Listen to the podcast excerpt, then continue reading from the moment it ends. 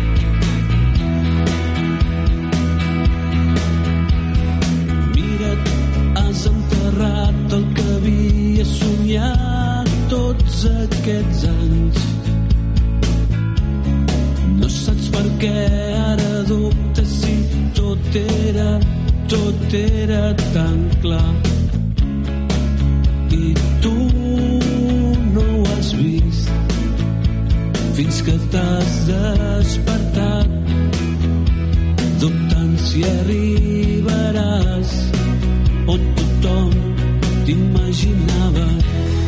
Deixa't portar, anem endavant, no pararem, no fluixem fins que ens fallin les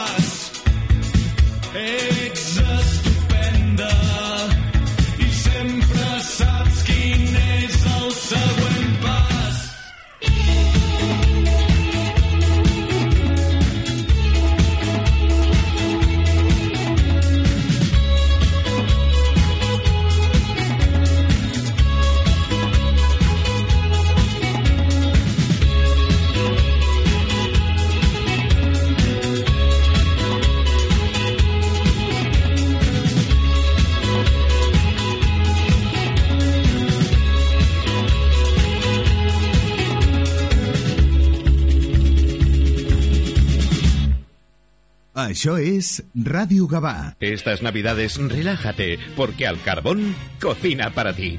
Deliciosos canelones, la escudella de toda la vida, pollo con ciruelas y piñones y nuestras irresistibles croquetas. En Al Carbón cocinamos con productos naturales y recetas tan tradicionales que sentirás hasta nostalgia.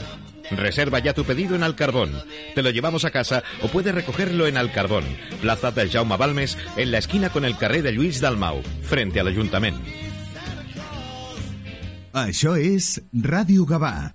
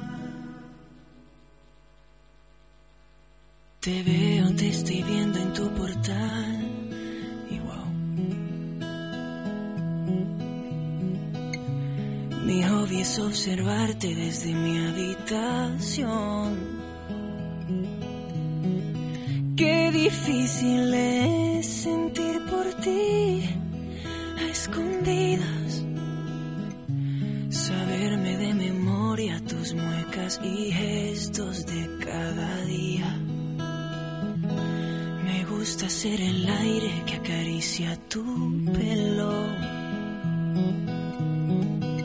Ser el hombre invisible y cuidarte en secreto.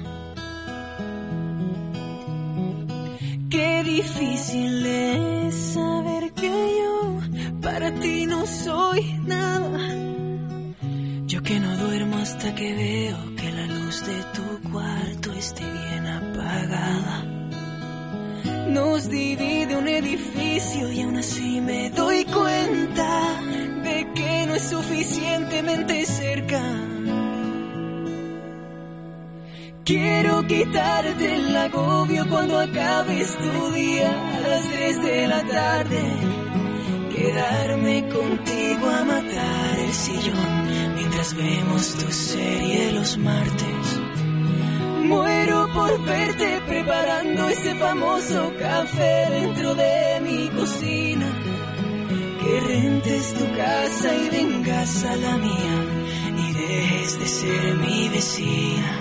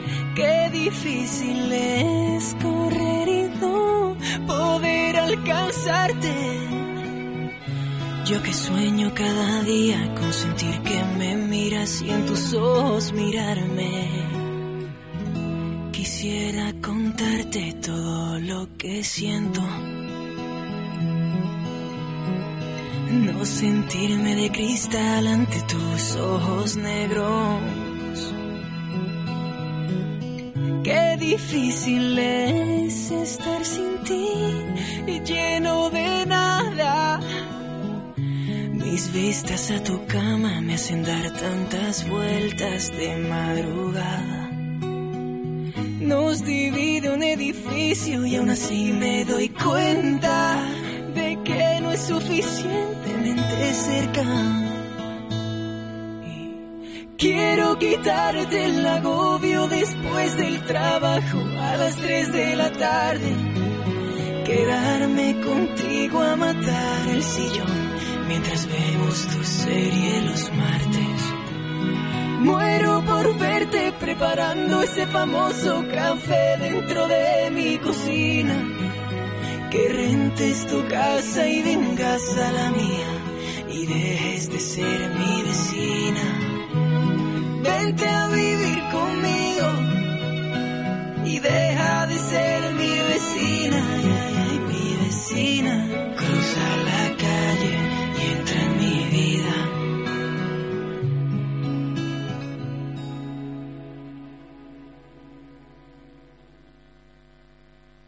Això és Ràdio Gavà. Aquest Nadal el comerç de Gavà va a mil per hora. Sí, sí, tal com ho sents. Els establiments adherits a Wow Gavà aquest Nadal premiaran les compres, serveis o restauració amb tres premis de 1.000 euros per gastar en una hora. En una hora?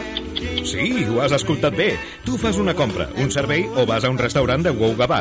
Omples la butlleta de participació, la diposites en una urna del propi establiment i podràs guanyar 1.000 euros en compres, serveis o restauració, que hauràs de fer en només una hora. Aquest Nadal comprar el comerç associat de Gavà té premi. Ah, i no t'oblidis de buscar el nostre fotocall i fer-te una foto i pujar-la a les xarxes. També hi ha dos premis de 100 euros. A Gavà, el millor Nadal. Consulta normativa a www.wowgavà.cat.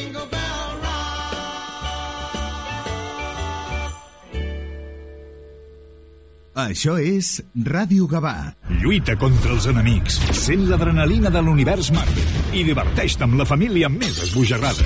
Aquesta setmana viu el millor cinema a la gran pantalla de Cinesa amb les pel·lícules Spider-Man No Way Home i Mamà o Papà. Consulta cinemes, horaris i qualificacions a cinesa.es. Torna la màgia del Nadal. A Cinesa, we make movies better.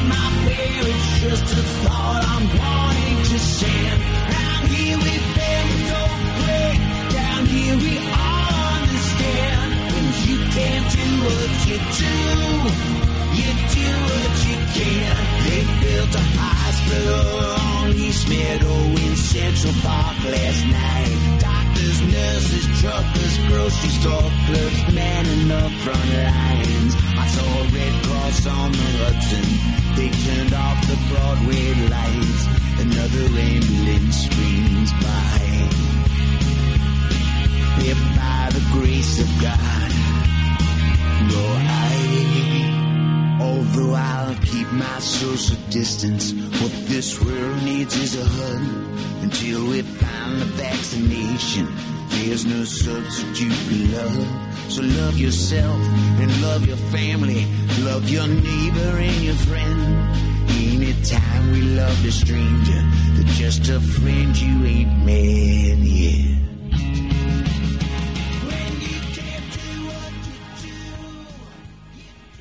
Això és Ràdio Gavà.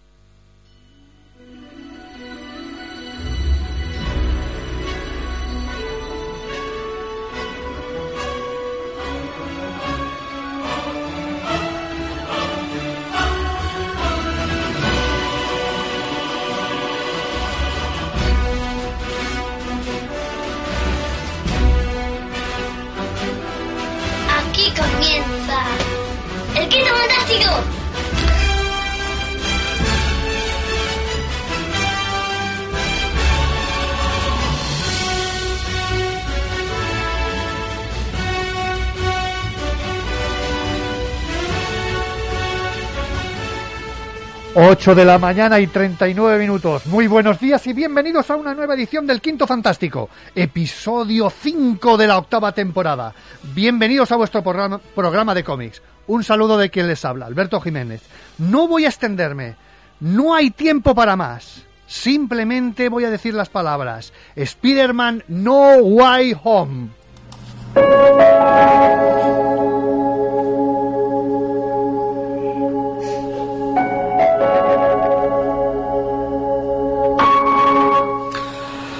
El día. Martes 21 de diciembre.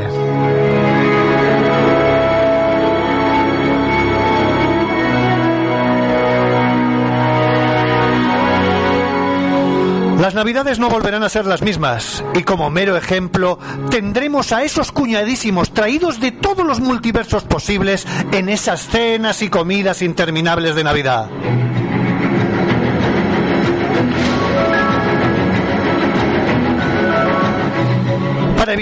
He vuelto a reunir al grupo. Sí, el análisis de Spider-Man No Way Home lo requería.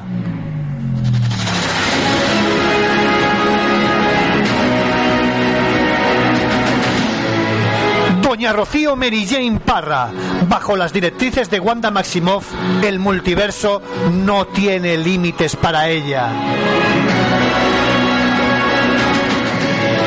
Fernando Watts Bernier, el equilibrio perfecto entre el cine y el cómic.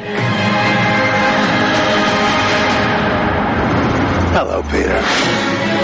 Don Carlos Electro Playbook, el socio perfecto para Spider-Man en cualquier incursión en los caritos de poca monta que es- están situados en Phoenix Comics.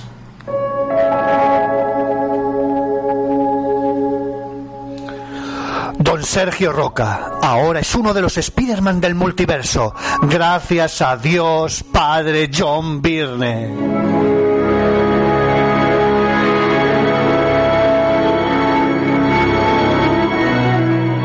Don Ryan Guru, en el Santo Santorum de Arte 9, dirige y enseña y reparte sabiduría entre todos los comiqueros.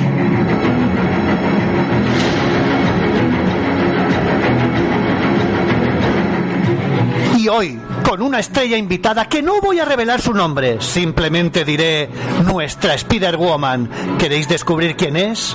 Estar atentos.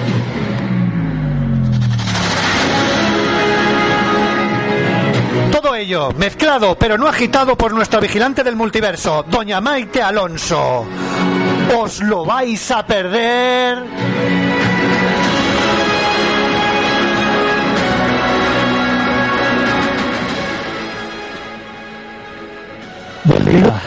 Llegó el día y he vuelto a reunir unir al equipo. Eh, Nes, muy buenos días, días a todos. Eh, estáis, estáis todos, don Carlos, muy- que te tengo ahí a mi izquierda de pantalla. pantalla. ¿Qué tal? Muy buenos días. Muy buenos días, con muchas ganas de hablar de Spider-Man y de escuchar a mis compañeros lo que tienen que decir, que seguro que es muy interesante y que yo me lo perdí mientras gozaba con la película. Don Fernando, ¿cómo estamos? Muy, muy buenos días. Bienvenido una vez más, vez más al Quinto Fantástico. Muy buenos días, Alberto. Gracias por llamarme a la Evasión de los Vengadores para hablar de la mejor película del año. Don Ryan Guru, Jo- José, muy buenos días y bienvenido al Quinto, quinto Fantástico. Buenos días, Albert. Eh, dame la receta secreta de lo que desayunas para estar así ya de por la mañana, por favor. Y dame una dosis para mí. Te, te mandaré realmente para Madrid, te la mandaré para, para, para que, para, para que lo tengáis ahí los, los Nicolas Boy, las tengáis, tengáis haré. Muy bien. Oye, y Rocío, Rocío, Rocío Parra, muy buenos días, más nuestra, nuestra, nuestra Mary en particular. Buenos días, días y bien. Es que ha tenido un problema Rocío y ha salido y ha Sí. vuelto a entrar, está conectándose. Sí, ha ha aparecido su imagen, pero ha desaparecido. ¿Podemos dar un poquitito más voz? ¿Sí? ¿Sí? Se la ha llevado el doctor Octopus. Nuevamente, lo ha vuelto a hacer. Ahí tenemos, ahí, está. Lila ten- tenemos. Rocío, ¿nos oyes ya? No, no sé. No tiene pinta. No, soy, soy, a ver, Rocío, Rocío, Rocío. Bueno, la tenemos, tenemos. Es el problema de ella ahora. Rocío, ¿te tenemos? A ver, a ver, ¿me sí. oís? Sí, te oímos. Vale, A ver, perdón, he tenido a- problemas ahora, tú no- Vale, vale, vale. va. Bueno, pues, pues lo repetimos otra vez, Rocío. Muy, muy buenos días. Bienvenida una, una más al quinto fantástico. Muchísimas gracias, muchísimas gracias. Bueno, mm, yo creo que vamos a ir a tira de huella. eh, Y empezamos, empezamos, tío. Rocío, mm, ¿qué te ha pare- parecido la película? ¿Qué era lo que esperabas? ¿Era después del, del teaser era lo que todos este- esperábamos? Pues a mí me ha encantado la película, la verdad es que no puedo decir otra cosa. O sea, yo tampoco es que tuviera una expectación concreta porque he intentado no mirar demasiado internet como otra gente que estaba ahí en plan de, ay, ¿qué va a pasar? ¿Qué va a pasar? Yo, bueno, me he mantenido un poco al margen, sí que vi el, el tráiler, pero luego como que pasé un poco del tema porque no quería, quería sorpresa y la verdad es que me llevé una buena sorpresa con todo. Así que yo encantadísima. Yo fui de las que aplaudió en la sala y de... vamos, encantada. A ver, me parece que me has saltado. ¿Estás ahí? ¿Quién? Sí. Yo, sí. Vale, vale, vale, vale. Te he saludado, ¿no? No. Vale, vale. nada. Es que no te veía. Nadie lo ha echado de menos. Sergio, muy buenos días y bienvenido al quinto el tolerano virnista. Buenos días y bienvenido al quinto quinto fan una vez más. Harán mis dos días. Ahora lanzaré un hechizo para cambiar el multiverso y que nadie se entere de que no me has dado los buenos días. Bueno, pues seguimos contigo. contigo. Oye, ¿qué te pareció? ¿Qué, qué sensación tuviste? Pues sinceramente me pareció una, una película magnífica. No me esperaba gran cosa, sinceramente, porque yo creo que, que Disney todavía no había dado con el tono que requiere Spider-Man para, para ser tratado, a lo mejor como lo conocemos la gente que, que venimos del, del mundo del cómic, pero en esta película yo creo que han culminado un camino de evolución que llevaba el personaje desde, desde Homecoming y ahora sí que por fin tenemos al Spider-Man que yo creo que aquí todos hemos disfrutado en viñetas. Muy bien, perfecto. Ryan, ¿qué tal? ¿Qué te ha, parecido? Te vi ahí, ahí con el paquete de palomitas ahí, ahí en Insta, ahí a tope. Sí. Me, me, la, me la engullí como el paquete, vamos. Me parecieron que fueron dos horas 40 minutos que me tragué como si hubieran sido solo 40 minutos. Eh, de todas formas, voy a hacer de supervillano y algún poco de caña le daré a la peli, porque que es un héroe, es un villano a su altura como yo. Y tiene algunas cosas que, que, que me chirrían un poquillo. Pero bueno, en general me parece la mejor peli del Trepamuros. No supera la de animación, pero, pero supera a todas las otras, aunque beba de las otras pelis. Fernando, que la fuiste a ver ayer, ayer en segunda ocasión. ¿Qué tal? Sí, me obligaron y tuve que verla por segunda vez. Pues me encantó y de hecho la segunda vez que la vi la disfruté aún más, con lo cual eso demuestra que no es una película que simplemente te sorprende con sus giros que supongo que hablaremos y podemos soltar spoilers por aquí. Pero me encantó. Yo creo que eh, sus creadores, John Watts, sus guionistas, eh, la gente de Sony Marvel, han hecho una película que respeta lo que es el alma de Peter Parker, como la historia de Dan Slott no puede permitir que nadie muera si él está vigilando nuestro barrio y, y me encantó, la verdad me encantó. Y hay un equilibrio entre comedia, drama, aventura, perfecto. Nada más que comentar. Don Carlos, impre impresionada a primera vista. Hombre, yo estoy muy motivado con la película. ¿eh? También la fui a ver el jueves para que nadie me destripara nada. Eh, no, o sea, sí que esperaba que, que, que, me diera lo que dio de guiños, de homenajes, de apariciones estelares y tal. Eh, pero no me esperaba que fueran, como decía Ryan, dos horas cuarenta de estar enganchado a la butaca y dame más, dame más, y ahora esto y ahora lo otro. Y creo que son demasiadas cosas para, para solo un, con un solo visionado disfrutarlas todas. También estoy un poco con Ryan que hay varios, o sea, a mí no me parece una muy buena película, sí que me parece una muy buena película de Spider-Man y que representa muy bien todo lo que es el personaje, pero sí que es verdad que como película hay varias cosas que, bueno, no, no, no la acabé de ver redonda, pero vamos, que, que la voy a ir a ver otra vez seguro, como dice Fernando, hay que verla más de una vez y, y dejarte llevar, porque realmente ha sido un regalo para todos los fans de Spider-Man porque tiene tantas cosas que, que, se lo podemos perdonar todo por todo lo que nos ha dado.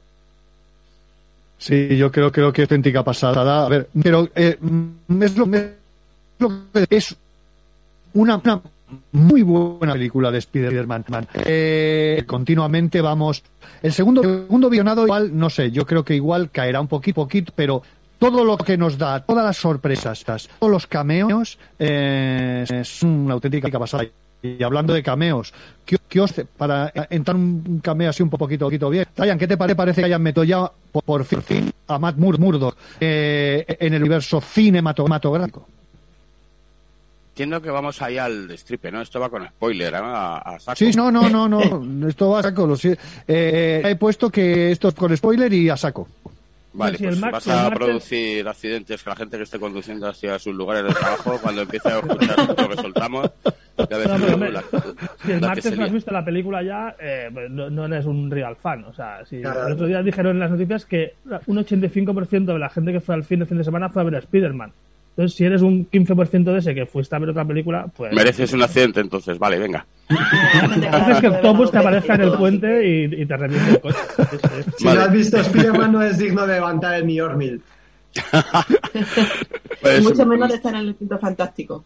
Pues me encanta eh, que salga que salga Matt Murdock, me encanta porque este hombre, eh, a base de lo cansino que ha sido, queriendo interpretar el personaje y dando y dando la brasa a todo el mundo que se acercaba, porque le cancelaron la serie, lógicamente, por, por cómo era, por la calidad, porque la primera temporada era buena, pero la segunda tenía un bajonazo bastante serio, y el resto del universo marveliano este de Netflix no acompañaba bien, la verdad Y, joder, me parece un punto que tienen ya por fin de, de, de Daredevil, que es un personaje que estamos esperando todos ahí que salga y aquí por lo menos le vemos sus cinco minutillos eh, o menos de, gloria de aparición de Van Murdock, mm, nos lo ofrecen y nos, nos enriquece. Como la creen. Rozo, más cameos que te hayan que, te, hayan impactado, sobre todo eh, en la película. en la- bueno, vaya. A mí, hombre. a mí- No, a Rocío, Rocío. Ah, bueno, creí que todo lo me Vale, preguntabas es que Vale, dale. se te escucha un poco mal. Sí, es Eh, que, bueno, hombre, a mí mm, va me con un poquito de delay. Me impactó mucho. A ver, voy. Es que me da hasta miedo decirlo en voz alta. No, no, no. de los Spidermans de, esos- de otras dimensiones, evidentemente. Eh, además, eh, justamente eh, vi las películas anteriores de Tobey Maguire y entonces lo tenía súper fresco y claro, y cuando, y cuando aparecieron fue, ¡buah! fue una pasada impresionante. Y la verdad que me, me gustó mucho también cuando aparecieron los villanos y toda la historia esta. Eh, o sea, yo, yo esto, por un lado me lo medio esperaba, pero por otro lado no me esperaba que fueran a tener tanto protagonismo en la historia y que fueran parte de la trama tan, tan importante. Yo pensaba que iba a ser más un cameíto de un rato, pero no, no, o sea, forma parte de, de la trama principal. Y para mí eso fue bastante bueno. Y es que después se pasaron, eh, por ejemplo, ejemplo, ejemplo de- más claro es el de Andrew Garfield, que se pasó, pasó desde, que, de que, desde que, que pusió el tráiler, el, el tráiler que nos dejó a todos, que todo, se pasó diciendo que no salgo, que no, que no salgo. Fernando, Fernando, tú Yo- estás yo- más metido en el, el tema de, de cine, cines, cine- cinematográfico, perdón. Sí, no, yo me lo creí. De hecho, bueno, eh, por un lado pensaba, digo, o le han pagado muchísima pasta para que diga eso y el tío es muy buen actor.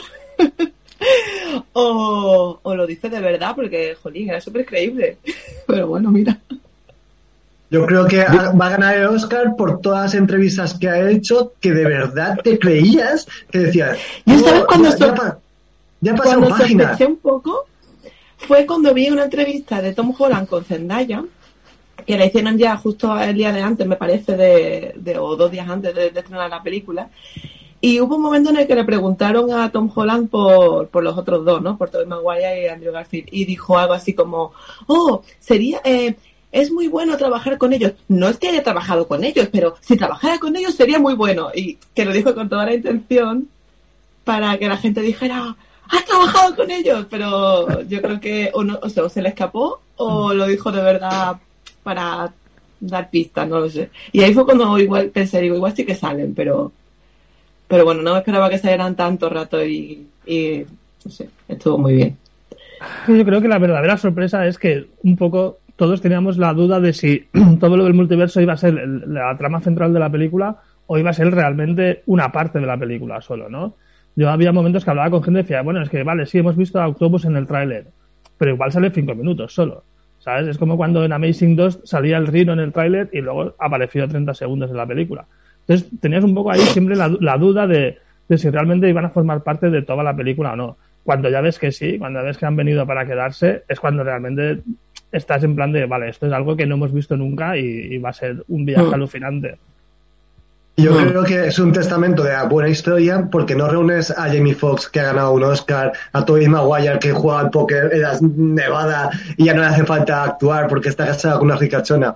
O, o les dan algo a todos que hacer en la peli. Algunos de ellos, como William Dafoe, dijo que, que para un cameo no. Y, y todos, aunque tengan un trocito, e incluso Electro, Jamie Foxx con sus conversaciones con Andrew Garfield, le dan un pequeño arco a su personaje.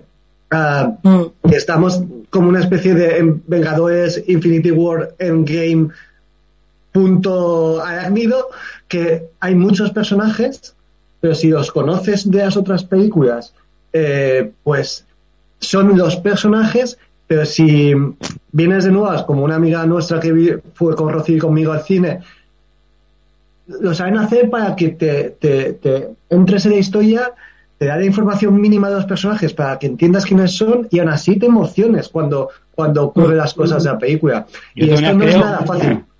Yo creo, no sé qué pensáis vosotros, que al final también lo que consigue esta película es cerrar eh, las historias de los Spider-Man pasados en el cine, que al final quedaron las dos inconclusas, por la de Tobey Maguire se canceló una cuarta película después de los malos resultados de la tercera y la supuesta tercera de Amazing Spider-Man se cerró, se canceló porque era un, un desastre las películas anteriores.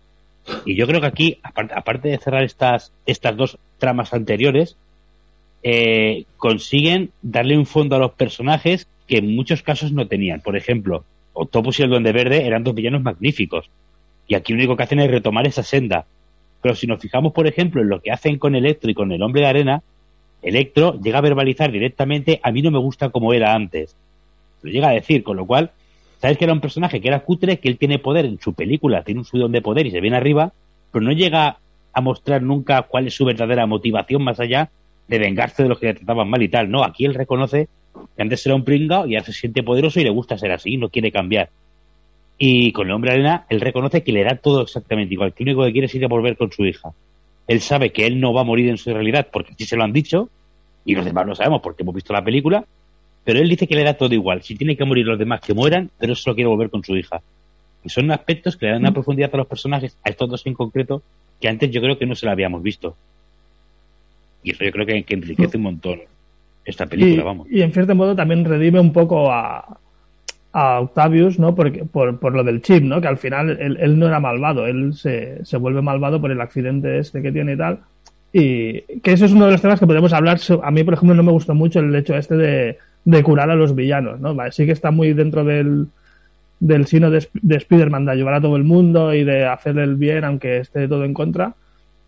Pero hay un momento que Octavius lo dice, dice, nos vais a castrar, o sea, mm, yo no quiero que ser otra persona, aunque luego él es el que mejor eh, acepta el cambio porque es eso, ¿no? Él era una persona buena, se volvió un villano.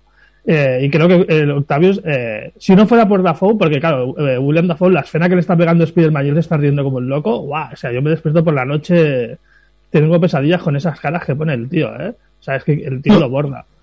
El tío es que es un Duende Verde magnífico, ¿eh? Willem Dafoe. Ya lo fue en su momento, pese a la armadura, que aquí la mejoran un poco quitándole el casco y poniéndole la sudadera con capucha.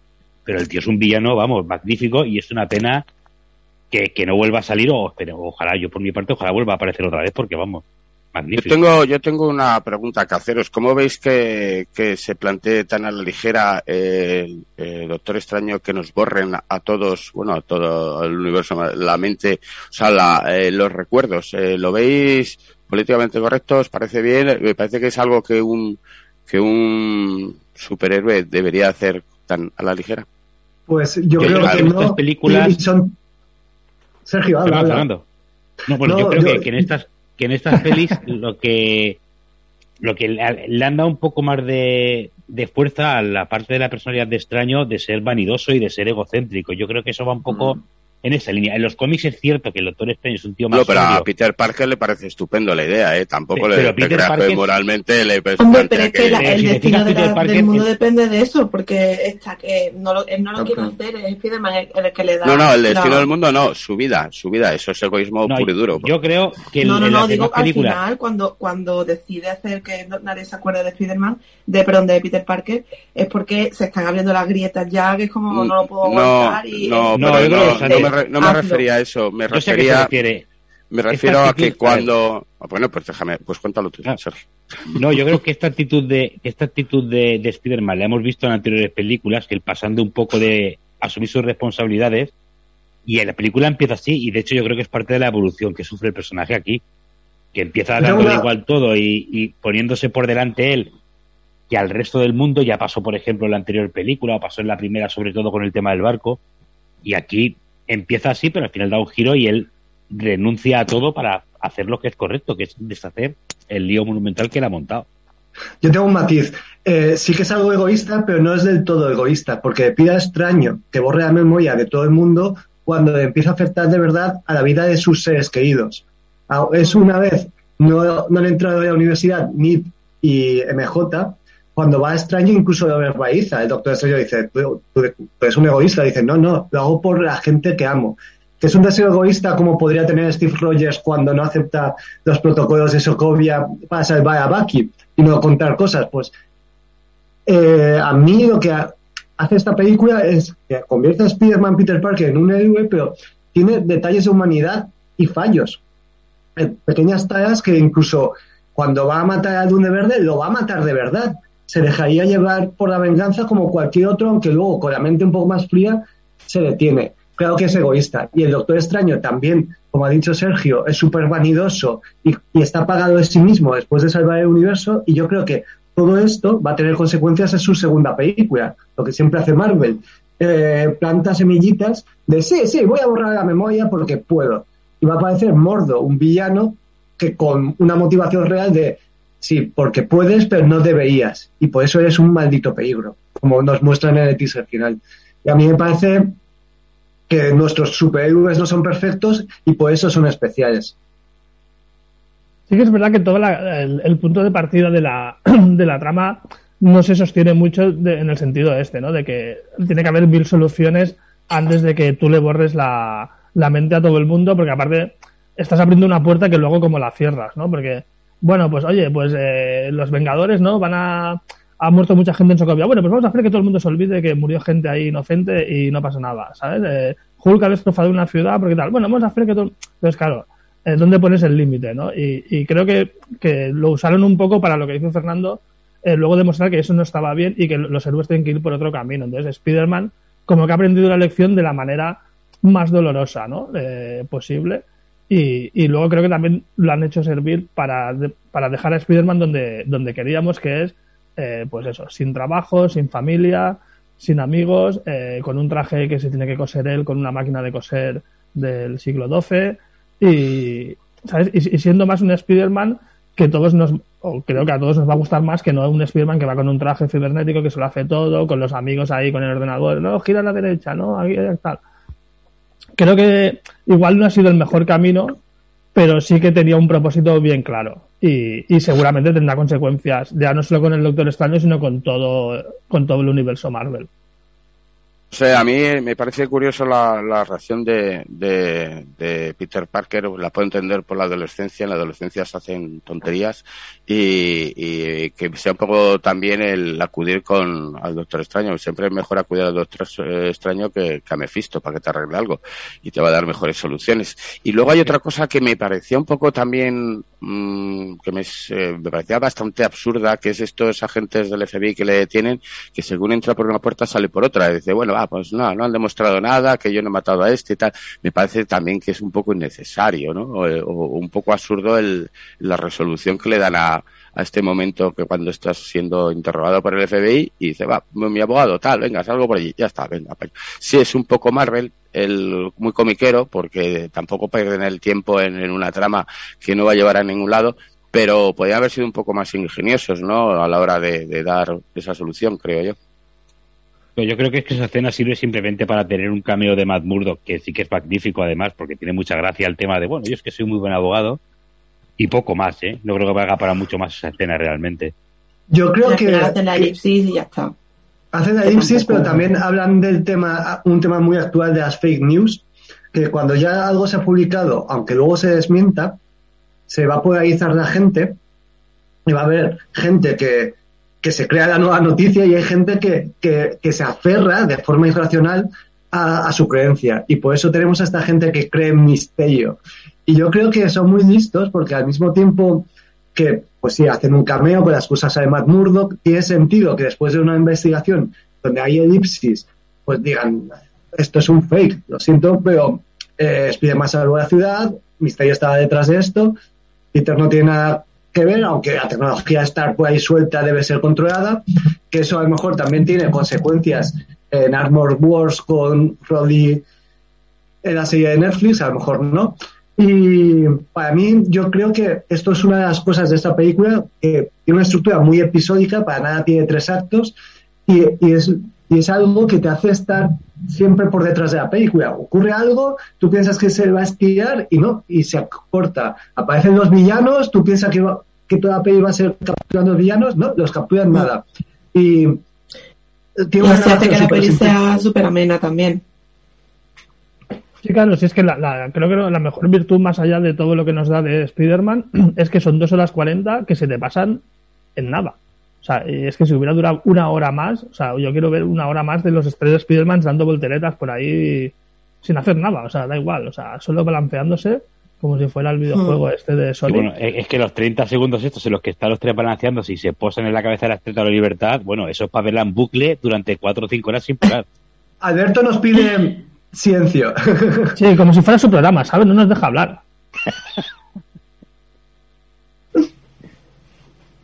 No te Pero no se le Alberto. oye. No se le oye Alberto. No se oye nada. Creo que nos va a decir que se, la reunión tiene un minuto y medio. Es que estamos hablando solos al final. ya nos ha No hay nadie. Realmente el, el quinto fantástico al volante, aquí va por otro lado. Estoy, estoy, estoy aquí, aquí. Ahora, Ahora ahora sí. ahora- vale, va- vamos a apurar un minuto y re- retomamos eh, con, algún- con las cuestiones que, que, nos, que nos habéis dicho. Tenemos Maite Loca ah, di- directamente. Venga, vamos a publicidad. Això és Ràdio Gavà. Aquest Nadal el comerç de Gavà va a mil per hora. Sí, sí, tal com ho sents.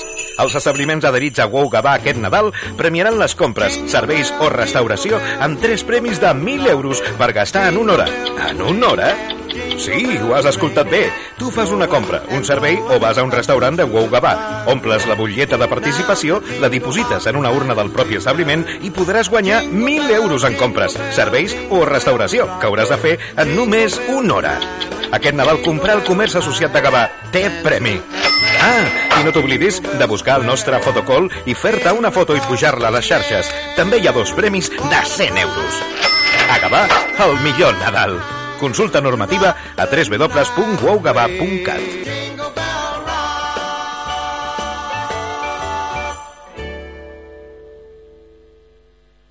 Estas navidades relájate, porque al carbón cocina para ti. Deliciosos canelones, la escudella de toda la vida, pollo con ciruelas y piñones y nuestras irresistibles croquetas. En Al Carbón cocinamos con productos naturales y recetas tan tradicionales que sentirás hasta nostalgia. Reserva ya tu pedido en Al Carbón. Te lo llevamos a casa o puedes recogerlo en Al Carbón, Plaza del Jaume Balmes, en la esquina con el carrer de Lluís Dalmau, frente al Ayuntamiento. Si buscas especialistas en electricidad, fontanería, climatización, reformas, ahorro de energía o recarga de vehículos eléctricos, nos encontrarás en Yungaba, asesores energéticos y especialistas en energía verde. Consúltanos sin compromiso y confía en la experiencia profesional de los que siempre estamos a tu lado. Yungaba, te esperamos en el Passeig de Joan Maragall 25 de Gavà. Teléfono 93662-2707 o visita nuestra web yungaba.com. Yungaba, siempre a tu lado. Això és Ràdio Gavà.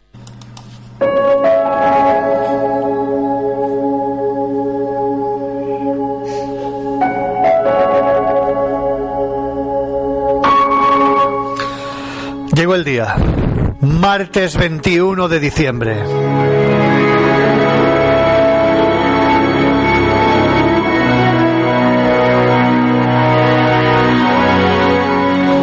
Las navidades no volverán a ser las mismas y como mero ejemplo tendremos a esos cuñadísimos traídos de todos los multiversos posibles en esas cenas y comidas interminables de Navidad.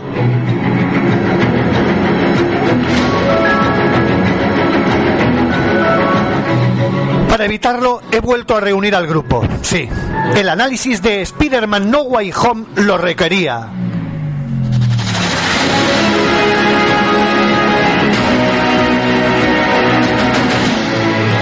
Doña Rocío Mary Jane Parra, bajo las directrices de Wanda Maximoff, el multiverso no tiene límites para ella. Don Fernando Watts Bernier, el equilibrio perfecto entre el cine y el cómic. Hello, Peter. Carlos Electro Playbook, el socio perfecto para Spider-Man en cualquier incursión en los caritos de poca monta que están situados en Phoenix Comics.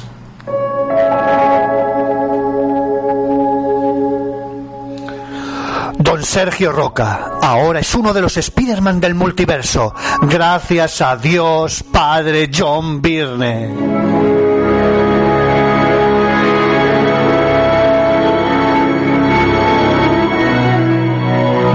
Guru, en el Santo Santorum de Arte 9, dirige y enseña y reparte sabiduría entre todos los comiqueros.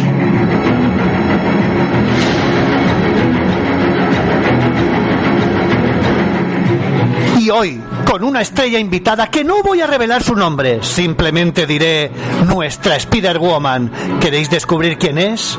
Estar atentos.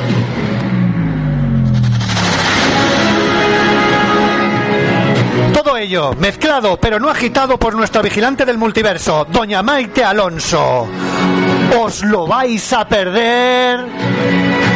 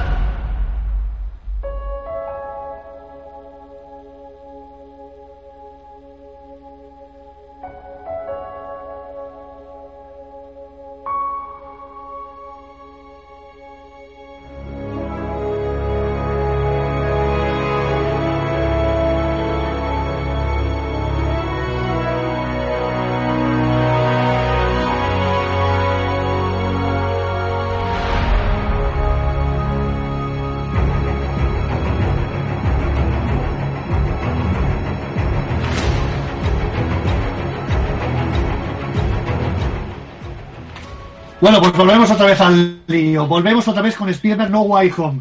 Eh, vamos a ver, eh, mm, una pregunta un poco general para todos. ¿Creéis que después de lo ocurrido en la peli, nos acercamos a ese Spider-Man más comiquero, más por lo digo por el final, ¿no? Porque tenemos ahí el Spider, eh, Peter Parker que se va al piso, que vive entre penurias, que se teje el traje. ¿Creéis que volvemos a ese Spider-Man más comiquero? Yo creo que sí. Rocío. Yo creo. Sí, de hecho, mm, de hecho, yo creo que está bastante claro que es una especie de nuevo inicio esta película. O sea, están queriendo decir que a partir de ahora Spider-Man está solo, lo que te has dicho, vive pobre en un piso, eh, no tiene nada y, va a tener que volver a, a empezar de cero. Ryan. Mm, sí, hombre, si es por el traje, sí. A mí lo que... Voy a meter otra puntillita de estas así que me gusta. Eh, a mí lo que me parece es que eh, durante toda la película eh, Spider-Man no evoluciona nada. Hemos tenido otra, otra historia más y hasta que no llega el final y, no se revela una muerte, la muerte de, de su tía, incluso ahí le cuesta evolucionar, porque una vez que muere su tía, lo que quiere es venganza y ya está.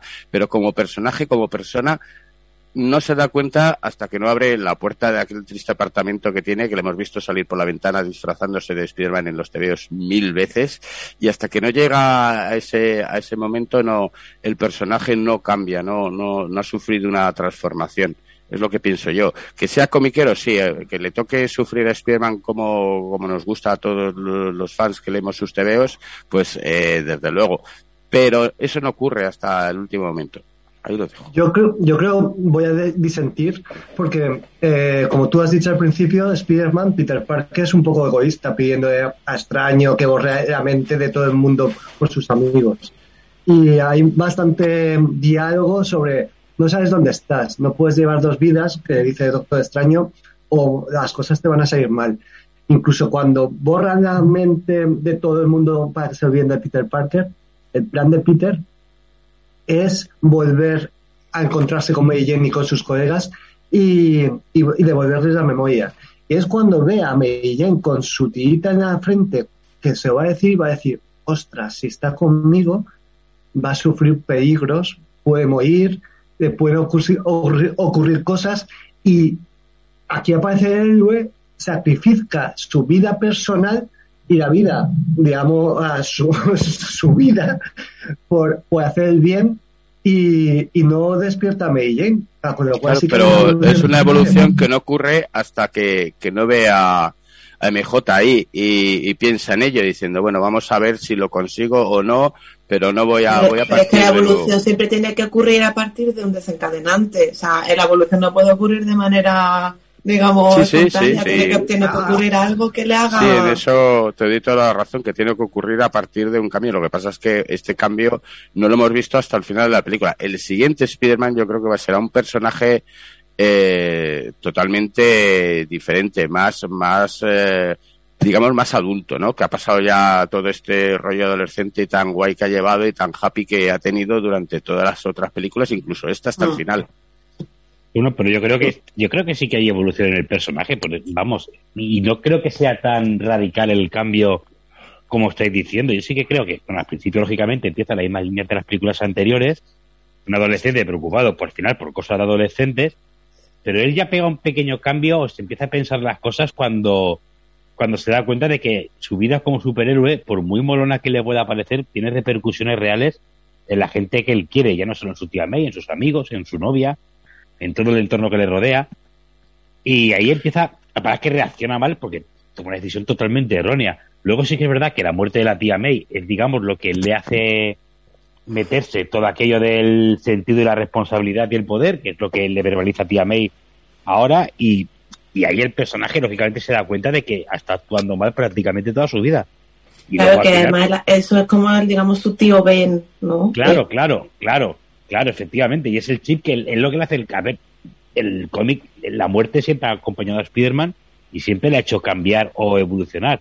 No solo la del tío, la del tío Ben, tenemos la de Gwen Stacy, tenemos la de Jan de Wolf, son muertes que le han acompañado, o la de Capitán Stacy, por ejemplo, también, y le hacen evolucionar. Y aquí en la película han hecho, han tomado el mismo camino, el de tener una muerte que hace crecer al personaje. Esto creo que en la anterior película ya lo estuvimos hablando. No sé quién dijo realmente que que a lo mejor esta MJ la mataban para dar una muerte generacional, como fue la de Gwen en los cómics, porque siempre se había dado al tío Ben como muerto en las películas, porque ya nos habían contado la historia mil veces, y sí que sucede una muerte que la hace evolucionar, lo que pasa es que nos confundimos si no era Mary Jane, fue la tía May. Que al final, por ser una constante en la vida de Peter Parker, a lo mejor dábamos por hecho que era inmortal y no iban a, a tocarla nunca. La verdad, es, la verdad es que ahora hay un panorama muy chulo de Spider-Man porque no sabes qué va a pasar, ¿no? Entonces, eh, creo que hayan sabido acertar mucho porque si luego las cosas se hubieran arreglado con, con Mary Jane, con, con el resto de, de personajes y tal, pues vale, van a hacer otra peli de Spider-Man, pero va a ser más de lo mismo. Y, y- y creo que ahora se abre una puerta muy interesante a la vez que él va a empezar a madurar como si va a ir a la universidad, si va a empezar a trabajar, si va a empezar a tener que ganarse la vida haciendo fotos, ojalá, o haciendo vídeos, ¿no? Porque ya las, las- los tiempos han cambiado, igual se- Será se tiktoker o algo parecido. Claro, Spider-Man tiktoker. Y, luego, aparte, el traje nuevo, el traje que aparece al final de la película, es totalmente una declaración de intenciones del camino que quieren tomar con el personaje. Claro, y yo luego tengo mucho interés en ver cómo lo van a enfocar de cara a los villanos, ¿no? Si va a haber una guerra de lampas, si va a salir Kingpin, si va a haber un duende, que no sea el duende verde, sino va a ser un duende, si va a venir Kraven para cazarlo, no sé. Creo que ahora hay una... a- a- ahora que has dicho Kraven, ¿no os parece ver a Kraven en las escenas finales cuando sale el multiverso? Sale un tío Sí, con una Kraven- lanza. Sale, sale un tío Sí. con una lanza. Se ve a Rino, se ve. Es, y que se ven siluetas conocidas. Se Ah, ve- pues yo es que eh, vi como un flash y me pareció ver a los cuatro fantásticos, pero claro, yo creo que es que era el Yo, Sí, yo vi a. Kraven claramente ser un tío de pie con una lanza, con una especie de chaleco. y dije, "Joder, ese tiene que ser Kraven, no puede ser otro. No vi ninguno más, ¿eh? Sinceramente. Eh, también sale, el primero que sale es Kraven y luego en otro, en otra grieta se ve claramente a alguien con un cuerno. eh, supongo que es Rino. No os olvidéis del trocito de Venom que nos dejan allí. Que va- vaya, vaya, vaya, vaya historia con el Venom. Le- lo, lo ponen ahí dos minutos, ahí que se está tomando un daiquiri y lo, ma- lo vuelven a mandar otra vez al universo, al universo Sony, como, como se diría. Y, ah, Pero ¿no veis un fallo? Ahí, ahí no veis un fallo, porque en teoría todos los que van son los que conocen la identidad Claro. de Peter Parker. Pero Venom no conoce a Peter Parker en su mundo. Claro, aquí hay pequeños fallos que, digamos, como Ryan ha dicho, la peli no es perfecta. Incluso cuando el hombre de la arena comenta que vio en las noticias como el duende eh, fue empalado, eso no salió de las noticias. Peter dejó el cuerpo de Harry en, el- en su piso eh, y Harry Osborn, sí, eh, me estaba confundiendo. Ah, hay cositas que, que, digamos, pequeños fallos de información que no son digamos que, que solo los true, true, true fans que hemos visto las películas 200 veces nos podemos dar cuenta. Y lo de Venom yo creo que es un cameo porque esta película cuando la diseñaron yo creo que no sabían si iba a haber una nueva película para Marvel Studios. Si no había película, pues tab- tabula rasa, la gente se ha olvidado de Peter Parker en el universo Marvel, sí, Spider-Man está ahí de fondo, pero no pasa nada. Eh, y con el tema del multiverso, pues podían pues seguir, el cameo a lo mejor hubiera sido diferente, pero ya desde hace dos días habréis visto las noticias que Kevin Feige y Amy Pascal están negociando y lo han dicho para que la gente se quede tranquila pensando que va a haber otra película con Marvel. Sí, la va a haber. Ha hecho demasiada pasta esta película para cargarse a la gallina de los huevos de oro. Eh, Sony cometería un error enorme si rompe este acuerdo ahora mismo, porque es su caballo ganador. Sí, pero sí que- Venom, Venom al mismo tiempo ha hecho 800 millones. Es la segunda película en Estados Unidos más taquillera. Venom, que es mala, sí. ah, pues ellos podrían decir, va a tomar por viento, prefiero quedarme toda la pasta yo, que haya un crossover de, de mi Spider-Man de Sony con mis villanos. Y yo creo que están siendo inteligentes y saben lo que tienen. Ahora el que se está haciendo un poco el duro es Tom Holland diciendo, no, yo ya he hecho todo lo que tenía que hacer con el personaje. Maldito mentiroso. Eso es lo que te ha dicho tu agente para que las negociaciones. Y no va a golpearse, que toma.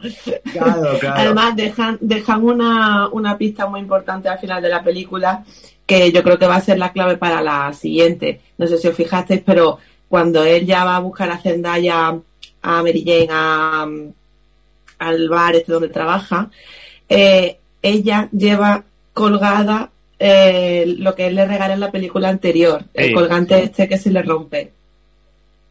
Sí, la lleva, la lleva, la lleva colgada todo el rato. Sí, sí, y yo creo que eso es fundamental porque cuando si ella lo lleva colgado es porque tiene alguna importancia para ella, pero si no lo recuerda, no sabe Yo quién creo se que lo aquí, regaló. es- aquí ha, ha hecho Ryan antes, ha hecho Ryan una, una mención bastante, un, un poco por lo bajini, pero que es importante, que al final aquí se han marcado un mefistazo, pero me- bastante mejor hecho que que planeó Joe Quesada los cómics. Mejor que el de los TVOs, pero de lejos, vamos, de lejos. ya- ya aquí a Lima, o sea, en los cómics es un es un Deus Ex Máquina en toda regla y aquí bueno tiene una justificación y yo creo, si vosotros os acordáis, en los TVOs no todo era lo que parecía y Mary Jane sabía que había pasado algo. De hecho, lo sabía que había pasado todo. Y se está haciendo la tonta porque al final, en los TVOs, si os recordáis, si él revelaba su identidad, se rompía el hechizo. Entonces, por eso no, no lo hacía. Y yo creo aquí, posiblemente el camino que tomen sea similar y a lo mejor Mary Jane sí que sabe quién es realmente él, porque el Doctor Extraño, pues yo qué sé, lo haya cogido y ha dicho, bueno, pues todo menos Mary Jane, que es al principio lo que iba a hacer Parecía muy despistada en la escena. Parecía, parecía bastante diciendo. Claro, "What the pero, fuck?". pe- pero, pero lo que dices tú, al final el colgante que lleva, que le regala en Venecia todo reventado después de intentarse con Misterio, al final ese colgante, a ver, esto es una paja mental, ¿eh? no tiene por qué hacerse real, pero teoría tiene que ser por algo. Pero Que, ¿Para qué lleva una eh, persona es un colgante llave- roto si no sabe ni quién se lo ha regalado? A lo mejor lo que hace que ella quiere investigar. Pienso yo. O una vez se llegue con la gata negra de las siguientes tres películas y digan, no, tenemos que volver a Mary Jane, pues a través del colgante despierta su Bueno, recuerdo. corrección. Michelle Jones. Michelle Sí, Jones, Michelle. sí, sí. Sí, porque no, no sé, porque claro, lo del hechizo es que la gente no conoce a Peter Parker, pero la gente va a conocer a Spider-Man. O sea, Doctor Extraño se despide de él en plan, bueno, chico, tal. Pero va a seguir conociendo a Spider-Man, ¿o no? Claro, Spider-Man sí, sí que lo recuerda. Claro, entonces Spider-Man Doctor lo Extraño cuando vea a Spider-Man le dirá, hey, ¿qué pasa? Si salvamos el multiverso, ¿te acuerdas? Joder, vaya movida tuvimos. Y, pues bueno, pues el otro le dirá, hey, que soy Peter Parker, ¿sabes? Ya está, o sea, ya, no, ya me has vuelto a Pero conocer. es lo que dice, pero, pero lo que decía Ryan, al final es como el mefistazo. En el mefistazo pasa exactamente lo mismo. La gente sabe quién es Spider-Man, pero la gente no sabe que Spider-Man es Peter Parker. Claro, Esa pero la hay un diferencia. grado más, hay un grado más. Todo el mundo se ha olvidado de Peter Parker. Peter Parker Claro. no existe. Aquí hay un, un grado más de olvido, que yo creo que se han pasado y en parte, no, convención comiquera, podría ir diciendo, oye, doctor extraño, soy, eh, vengo aquí, podría hacerlo, pero aquí está el tema del héroe que no lo va a hacer. O al menos ahora mismo siente la responsabilidad de que no tiene espacio para, para que, digamos, la vida de Peter Parker sea plena. Va a ser una especie de, de cama en la que él duerme y tal, pero él pinta que va a ser Spider-Man 24 horas al día, tipo lo que dice Andrew Garfield, de, yo no tengo tiempo para ser Peter. Pues pinta que... Pero yo creo que eso no deberían hacerlo porque al final la vida de Peter Parker es parte Claro. fundamental del éxito de los cómics, no solo la parte superheroica. Al final los cómics te gustan porque el elenco de personajes secundarios que tiene es rico y son atrayentes, no como los de la película. Que por cierto es una oportunidad desperdiciada de volver a matar a Flash Thompson. Porque Oye, y una, y cosa. Y, una pregunta, ¿cómo os veis esto de que Spider-Man di- decida salvar a unos completos desconocidos que ya están muertos porque se lo dicen a estos villanos y que se olvide en un plis plas de, Misterio, que ha tenido una relación más cercana con él, que ha sido lo más parecido a un, en un momento dado a, a su colega Tony Stark y, y se ha cascado y, y de repente dice, no, venga, yo lo voy a salvar, me voy a inventar unos artefactos científicos que, que va a salvar a, la- a esta gente, pues porque, porque sí, porque se, no dice por qué se lo merecen, pero no sabemos por qué, porque dice, joder, ¿cómo, que- ¿por qué vas a salvarles? ¿Qué, qué más te da? Para mí ese es el gran fallo de la película, eh, la, la poca explicación que te da eh, sobre cu- cómo vienen estos personajes y cómo van a volver, porque hay un momento que ellos te, te explican que estaban a punto de morir y vieron una luz y aparecieron en este universo. Vale, pues si tú ibas a morir, si te quitan los poderes, vas a morir peor aún. O sea, porque. Claro, Eh, estando Pero la loco estando cuerdo. Spider-Man, se supone, ¿no? Claro, dices, estar loco, está cuerdo, no tiene ninguna diferencia porque vas a terminar empalado Claro. o bien con el deslizador de- del duende. Pero si los otros Spider-Man tampoco también saben ya que él ha curado a los villanos, ya no los van a matar.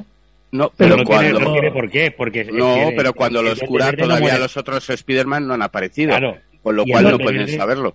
Y que por muere- Yo creo que aquí entramos en las convenciones comiqueras. Claro que eh, con esto, las películas de San Raimi y, Mar- y el web no, no, no se podrían, digamos, la línea temporal se, se rompería, se crearían simplemente líneas alternativas donde estos personajes están vivos. Y, da igual si tiene sentido, que no lo tiene, igual que los dos Peters parece que están rondando en el universo Marvel cuando los convoca Nip, no están en sus universos.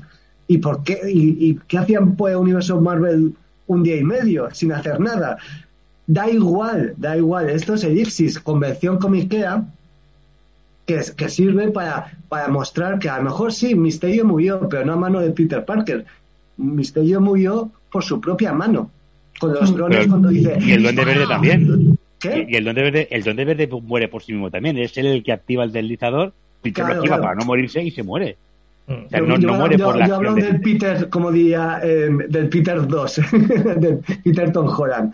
Ah, lo que comentaba Ryan, Misterio muere, pero no a manos de Peter Holland. Eh, y al principio él está queriéndose quitar el marrón. De, no, no, yo esto no es mi problema. Y este a May que le dice, sí, tío, es tu problema. Y es, es una responsabilidad porque estos tíos están aquí y ahora que están aquí, da igual que tú creas que vayan a morir. Tú tienes el poder de salvarles. Y eso es ADN de Spider-Man de toda la vida. ¿Que tiene sentido? No. Ah, ah, que los van a devolver en sus películas y qué va a pasar en ese momento que Electro está absorbiendo la energía. Eh, pues directamente los rayos eléctricos no le golpearán. Eh, el Spider-Man, digamos, del Superman, que ahora mismo no me acuerdo, le salvará y ya está. Spider-Man salva vidas, aunque narrativamente no tenga Sí, sentido. verdad que sí que es verdad que, que, que, te, que te chirría un poco porque ellos mismos te lo dicen. No está a punto de morir y ahora aparezco aquí. Pues, y cuando me vayan a volver a mi universo, volveré al mismo punto. Si lo hubieran cambiado en plan de, bueno, no, te puedo volver eh, a tu laboratorio antes del accidente. Pues oye, nos hubiéramos ahorrado Claro. tanto tanto cachondeo, claro, entonces no habría película, ¿no? Es lo que yo entiendo que es una convención y que a mí me, me extrañó durante dos minutos, porque luego a la que empiezan a darse de tortas se te olvida. Eh, lo que, me, lo que me patina realmente, yo el fallo que le veo al, al desenlace final de la película es que cuando, el, cuando lanzan el hechizo no hace extraño más que decir que cuidado que la vas a liar, esto no puedes cambiarlo que la vas a liar. Y de hecho, por cambiar el hechizo la lía, y al final de la película, en medio de todo el berenjenal que tienen montado, cambia el hechizo sobre la marcha y no pasa nada. Y es cuando le dice, bueno, mira, que estoy pensando lo mejor. No. En vez de cerrar esto, casi mejor, haz que ni olviden todo. Sobre la, No, no estoy de acuerdo. No, no es que cambie el hechizo sobre la marcha. Crea un nuevo hechizo. Sí, hechizo no, hay, no hay cambio. Es, Es así, hace un nuevo hechizo desde el principio y, y no, no es el follón que hace al principio, no es la chapuza que hace al principio, incluyeme a este, sácame a este, no sé qué. Aquí es un nuevo hechizo y es lo que consigue eh, olvidar completamente a Spider-Man. Pero para que no digáis que solo pongo, pongo trabas, a mí la escena que me ponen los pelos como escarpias, hay dos escenas que me ponen los pelos como escarpias, que es la aparición de Andrew Garfield en ese callejón emulando la portada, la, la portada de, de Spider-Man Nunca Más, que está entre callejones, que me parece salvaje, y la aparición de este Andrew Garfield más alto y tal, mm, aquello la gente, hubo rumores, no sé si en algunos cines habría aplausos, pero lo merece, y el combate final de contra el, El duende, contra ese duende que ya está modificado con esa capucha, con porque si no hemos dicho algo, el que se sale de toda la peli eh, es William Dafoe, hace interpretaciones como para decir, macho, eres un monstruo, tío, un monstruo auténtico de la interpretación. Y con esa armadura ya desaliñada que lleva, que suena cuando se mueve, con la, la sudadera, esos pantalones raídos rotos que lleva y tal, dices, tío, estoy viendo un puto TVO de John Romita dándose de hostias aquí con Spider-Man, reventándose a puñetazos uno tras otro, repartiendo una hacia es- una cinta. Esa escena es brutal, tío, es brutal. Y lleves al, a- al, al Spider-Man, al Peter Parker cuando se enciende, porque ha tenido momentos que se ha encendido y ha empezado a dar puñetazos y ha reventado caras en un momento dado. Y aquí le estás viendo así, cuando empieza a machacar la cara de, de- del duende, puñetazo tras puñetazo, puñetazo, coge el deslizador, lo va a empalar y aparece Toby Maguire que lo salva. Dices, tío, no hagas esto porque la venganza no te va a hacer sentir mejor, solo te va a hacer sentir peor. Dices, macho, como escarpias, no me digáis que no. Sí, sí, yo escena, además es una escena que sabes que va a pasar, porque tú ves en el enfrentamiento final y no aparece el duende en ningún momento, te sabes que al final, va- aparte el duende es el que acaba liando toda la madeja final, porque es el que digamos, cuando va hasta punto de curar a todos, sé que explota la situación, se la carga para que todos sean libres. Sabes que va a llegar, pero aun sabiendo que va a llegar ese momento y cuándo va a llegar, es inevitable, vamos, quedarte con el culo pegado a la silla y ser incapaz de, de parpadear siquiera para no perderte lo que está pasando ahí. Y otro que escenote, otro escenote es, es salvar a MJ, eh, Andrew Ay, Garfield. ay.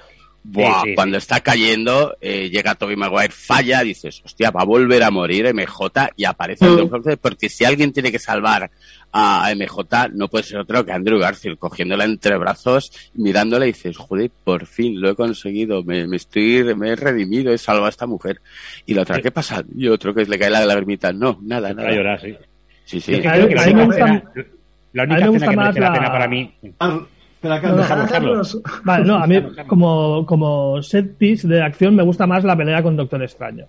O sea, creo que la pelea de Peter con Doctor Pero Extraño... la pelea con los extraños no, no deja de ser otra vez el, el incluirse ahí en el universo Marvel, que esas cosas ya las hemos visto muchas veces a lo largo de los, pues, los Vengadores y tal. Ese hacerse un poco el Nolan, ¿no? Con los edificios desdoblándoles un, un efecto especial y una persecución tras otra. Eso lo tenemos ya asimilado y nos mola Sí, a todos. Pero, pero me- realmente el alma lo veo yo realmente en estas escenas. En estas escenas es cuando dices, hostia, este tío le ha metido, le ha metido ganas en, en cuanto a interpretación y en cuanto Pero a dirección como y es, todo. como es acción pura y dura, creo que es más acción comiquera esa escena. Incluso la, la, la primera pelea con el duende que revienta No, no, no estoy de acuerdo. Yo creo que eso es acción del UCM y acción Bueno. comiquera es la pelea. La pelea es Sí, acción yo comiquera. estoy con Yo, Ryan. yo eh, estoy con estoy con Carlos, con Carlos yo creo que en una peli de Marvel tiene que, a ver, peleas ultra fantásticas y, no, y nos da una pelea ultra original utilizando Peter eh, sus conocimientos matemáticos en el mundo espejo, ah, que ya no es solo ver el mundo espejo del Doctor Extraño, es una nueva utilización y, justificar que Peter pueda vencer al Doctor Extraño. Está utilizando el truco, no es solo una escena de acción, es una escena que te dice mucho del personaje. Luego la pelea en el piso de Happy es brutal, Sí. es brutal. Y de hecho, yo creo que lleva a las pelis Marvel a un terreno muy oscuro que no habíamos visto en ninguna otra peli. La muerte de, de la tía May te rompe el corazón. O sea, es una peli que roza la R de mayores para 18 años. Coño, es que esta ya- tía May, esta tía May ya te rompe el corazón. Es que yo le pediría una cita de- directamente. Me ha parecido que, que tía May está tremenda y encima es un encanto de mujer. Es una tía divertida, es, es atractiva. Dices, es la tía May que, que tendríamos que tener todos. Pero teléfono, Carlos, por te- lo menos. te has quedado a medias. Cuenta, No, y, y- y luego, en cambio, el- toda la parte final, en la Estatua de la Libertad, me parece un poco rollo que sea siempre de noche y que los trajes sean se muevan todos a la vez y no sepas quién es quién. Creo que ahí faltaba, que tú, Fernando, dominas más de, de cine.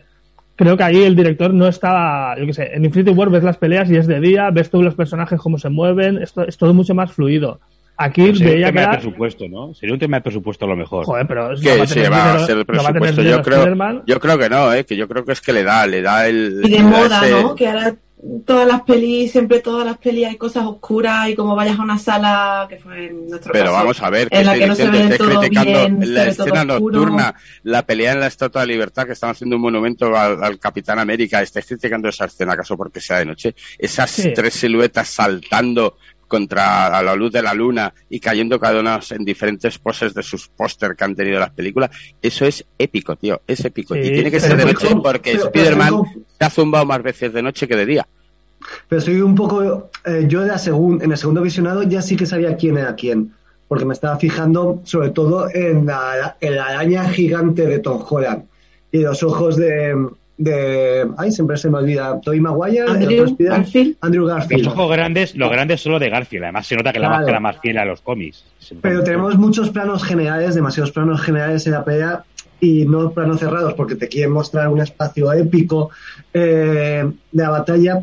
Y claro, por mucho que hayan arañas diferentes en sus trajes, a veces las cosas ocurren demasiado rápidas y como es el caso de Rocío y mío, el primer visionado que la vimos en una sala que no ha proyectado bien, se veía más oscura, era como, ¿quién es quién? La segunda vez que la fui a ver, ya sabiendo lo que había, no me perdí en ningún momento, pero comprendo que más de uno y más de dos diga, "Es- ¿quién es? Es Pero yo creo que los planos generales es que están Garfield". balanceándose da un poco igual, ¿no? Lo importante es ver a los Spiderman corriendo por ahí, que es lo que quieres ver. Luego los planos Claro, pero- más cercanos. Pero cuando hay tres Spider-Mans y te quieres ubicar geográficamente quién está peleando contra quién para que luego se coordinen, sí que, eh, mira que defiendo las peleas de esta película, pero sí que estoy con Carlos de nuevo, con que el entorno oscuro eh, y, y demasiados planos generales, sobre todo en la primera parte de la pelea, no ayuda a que sepas que es Spider-Man. Que podemos decir, da igual, todos son Spider-Man, pero Claro, cada sí. uno tiene su, su preferido y quiere ver bien las acciones de su Spider-Man preferido. Por eso luego se quitan las máscaras a mitad porque saben que existe ese problema también. Mm. Pero que, que, que sí que, que estamos de acuerdo que, que es un momento, pues eso, que yo ya ni pensaba, o sea, yo en ese momento ya estaba Claro. totalmente en, co- en coma, en coma de. Ahí está perdido, ahí está perdido. Hombre, y el momento hermandad de los tres Spider-Man abrazándose ya, eso... Ah, sí, la peli eh, tiene acción, tiene el corazón en el, buen, en el sitio correcto, incluso lo que comentamos de los villanos, incluso los villanos hablan entre sí y se crea empatía, como, oye, yo me caí sobre en un, con unas Sí. habilidades radiactivas y yo en un super collider. Eh, ¡oh! ¿Y no visteis Como el, momento meme de los Spiderman señalando, señalándose a sí mismos?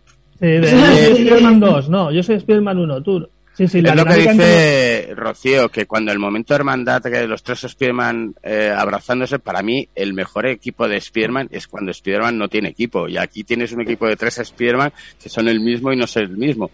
Y me parece que es cuando mejor está, que se sale. Spiderman nunca tendría que haber estado en los Vengadores, ni en los TVO, ni en las películas. Y aquí Spiderman funciona con sus otros Spiderman por eso mismo, por el hecho de ser Spiderman. La dinámica de hecho, entre más los hay una parte que lo hablan. Hay una parte que lo hablan directamente que dice, es que yo no sé trabajar muy bien en equipo. Eh. pues yo tampoco, la- Yo sí, y hacen, ah, sí. Sí, sí, yo es que soy miembro de los Vengadores. Y hace como Tobey Maguire, ¿de los Vengadores? ¡Qué bien! Y yo, no, sí, sí, pero ¿Qué es eso? La verdad es que la dinámica entre los tres es, eh, te regala momentos, bueno, más momentos épicos de la película, ¿no? O sea, que, que- que al final estamos hablando que la película tiene sus cosas, pero que a todos nos ha encantado porque eh, está trufada, como dice Ryan siempre, de momentos muy buenos, o sea, de momentos que representan a Spider-Man a la perfección.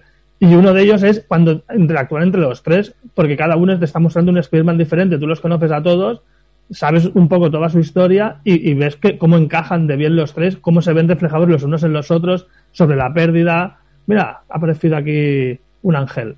Ahora. Sobre la, pe- sobre la pérdida, sobre el poder, sobre la responsabilidad, sobre lo que significa ser un héroe.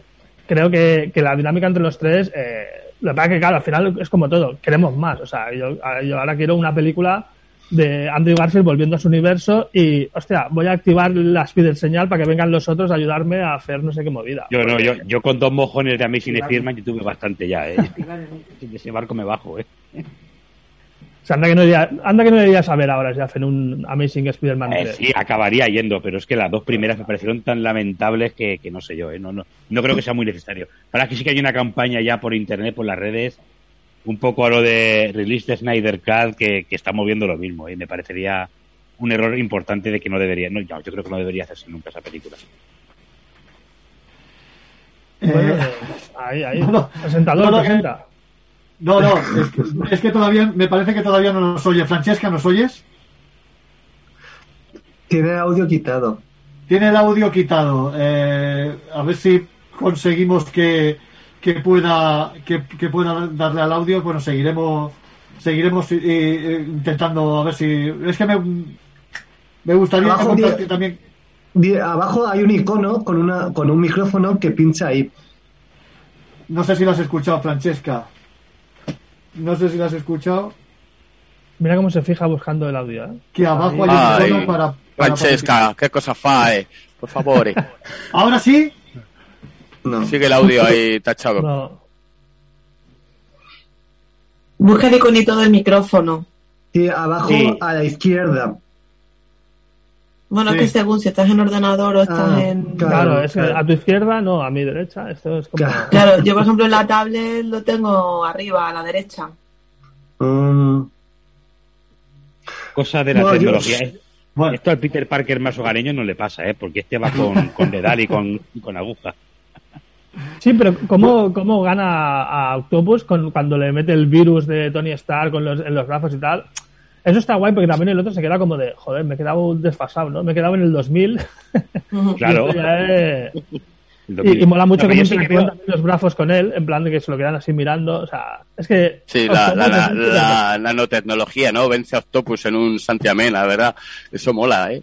Diciendo, mira, te has, quedado, te has quedado un poco out. desfasado. Yo es que creo que esta película sí que al principio empieza utilizando el, el traje más de, de, de, de Tony Stark, siendo más Iron Boy que Spider-Man, pero poco a poco va dejando la tecnología de lado y en la última media hora de la película no usa nada de tecnología del traje, ¿eh? quiero decir, quiero decir del traje.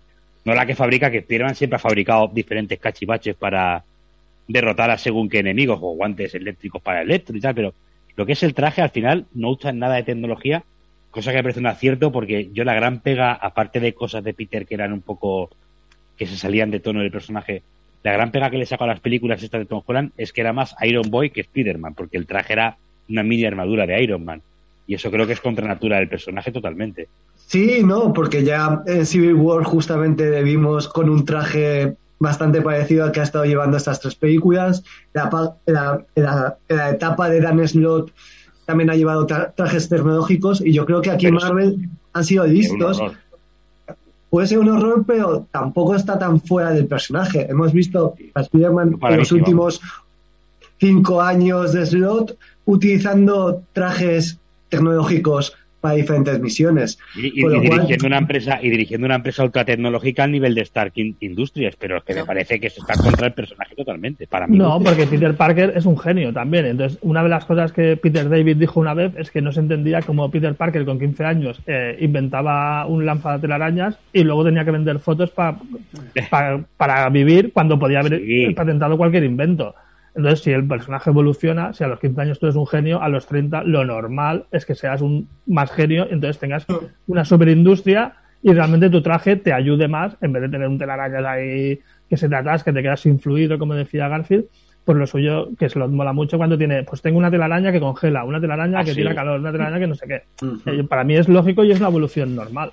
Y, Oye, y nosotros dentro, el momento de, de- de tirar redes por todos los sitios. Eh, yo creo que aquí Marvel, del Marvel o Iron Boy, eh, a, la, hora de introducir a Spider-Man en el universo Marvel, sabían que no podían hacer otro Amazing Spider-Man donde copiar las pelis de Raimi textualmente. Y, y fueron por la línea casi Ultimate. Spider-Man trabaja con o bien Tony Stark o con Nick Furia. Es conocido porque no es realista en un mundo como, digamos, tan tecnológico que su identidad secreta pueda ser secreta. Gracias a esta película ahora va a ser. Eh, y, y en un universo Marvel, pues, ¿por qué no tener tecnología si tú eres el protegido de Stark? Perdón, sentido. perdonad un momento, perdonad un momento. Vamos a ir un momento a publicidad. Nos quedan 12 minutos y me gustaría, me gustaría entrar un poquito con que ta- Francesca. Vamos a hacer un reinicio como hemos hecho antes. Vamos un momento a publicidad y entramos directamente. Volvemos en la parte final, si os parece, ¿vale? Perfecto, muy bien. venga. Vale.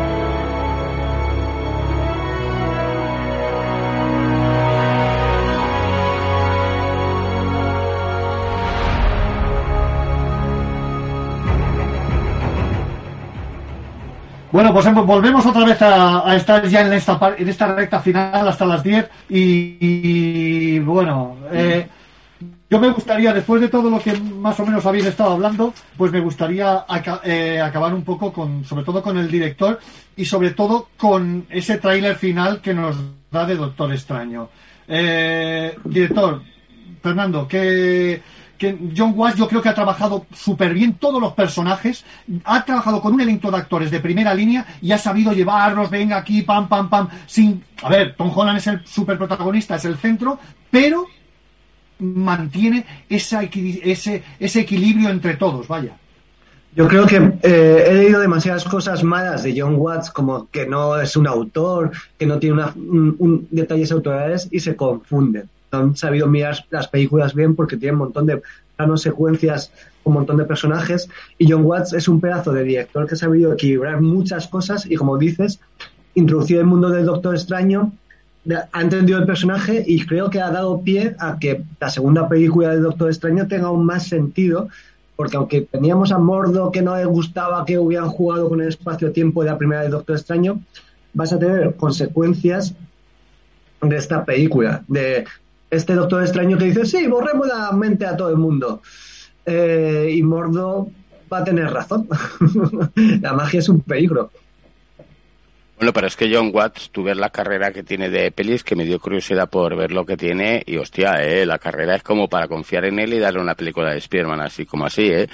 Eh, Coche policial, que ya la he visto, me parece una peli chula, pero yo flipé, digo, y este tío que ha hecho Coche policial y la aquella del payaso tan terrorífica del payaso del mal, ese tío que se ponía la, se disfrazaba para una fiesta de cumpleaños de payaso y luego no se podía quitar la máscara, tú a este tío le ves dirigiendo Spiderman.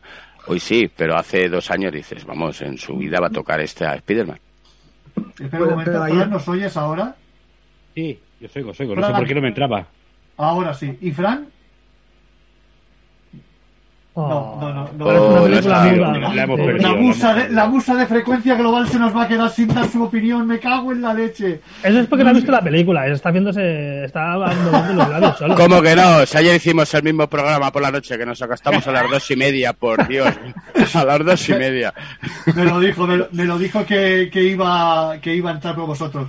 Con vosotros. Y digo, bueno, esto va a ser el crossover definitivo. El de Claro, teníais que haber empalmado un programa con otro. Y 24 Eh, pues horas hablando de prácticamente hemos empalmado. Yo me he acostado hablando de Spiderman y me levanto hablando de lo mismo.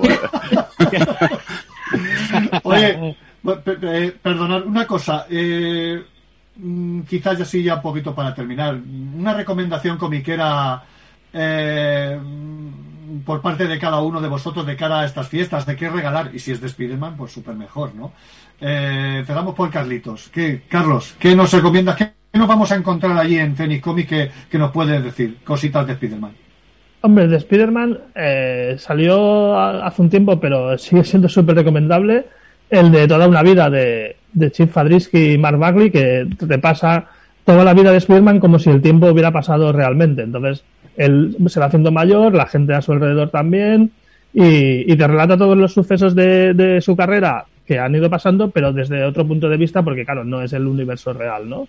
Y ahora ha habido una secuela, lo que pasa es que la han sacado a precio de oro, basada en la vida de Jameson, que, está súper chulo también, lo que pasa es que, claro, tienes que vender tu alma al diablo para comprarla, pero la primera parte, la de Spider-Man de una vida, creo que es una recomendación súper chula para cualquier fan de Spider-Man que se precie.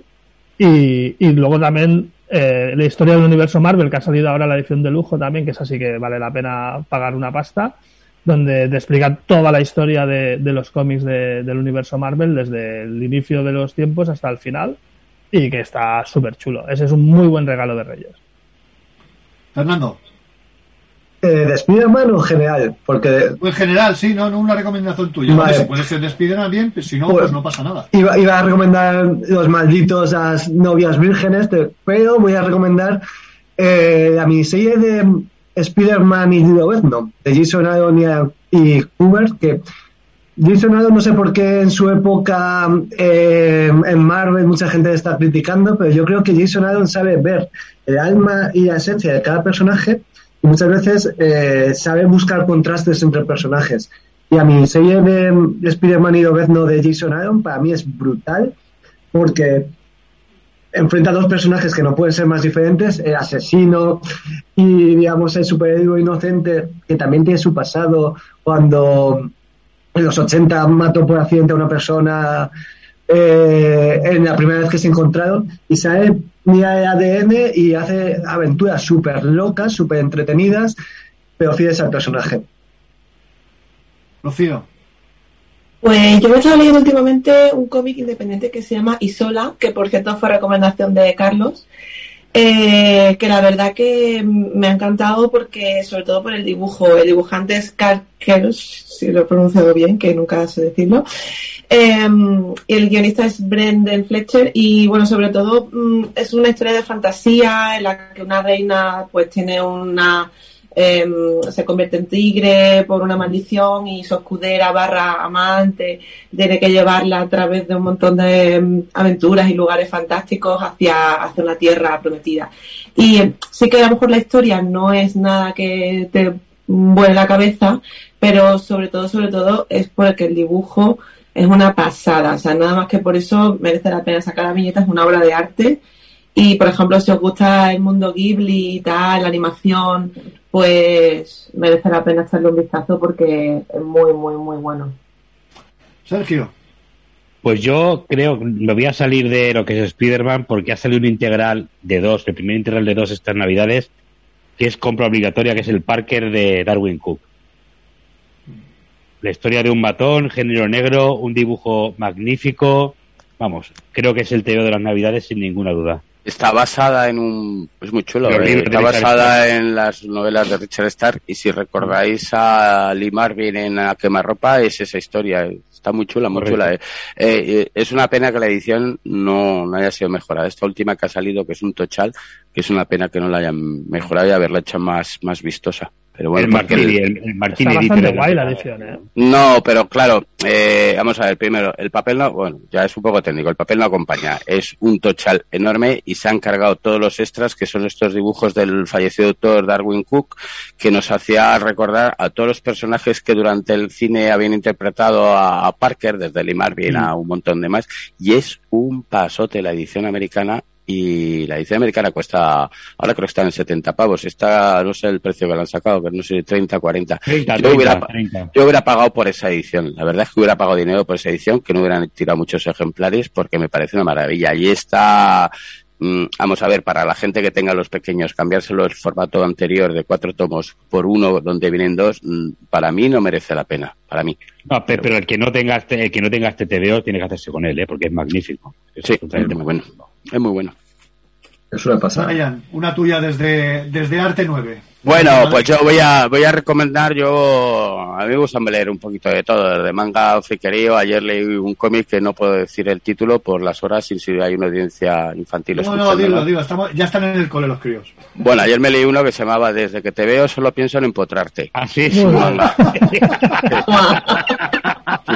Una historia de donde hay dos personas destinadas a conocerse y a- profundamente, más allá del, del mito platónico y, y es un puto locurón y es un manga. Pero bueno, yo que eh, este no es el que quiero recomendar para que no tengáis una idea de mí eh, tan tan superficial y, y de tan así. Quería recomendar uno de los mejores TVOs de Spider-Man, ya que hablamos de Spider-Man, que es la última cacería de Kraven.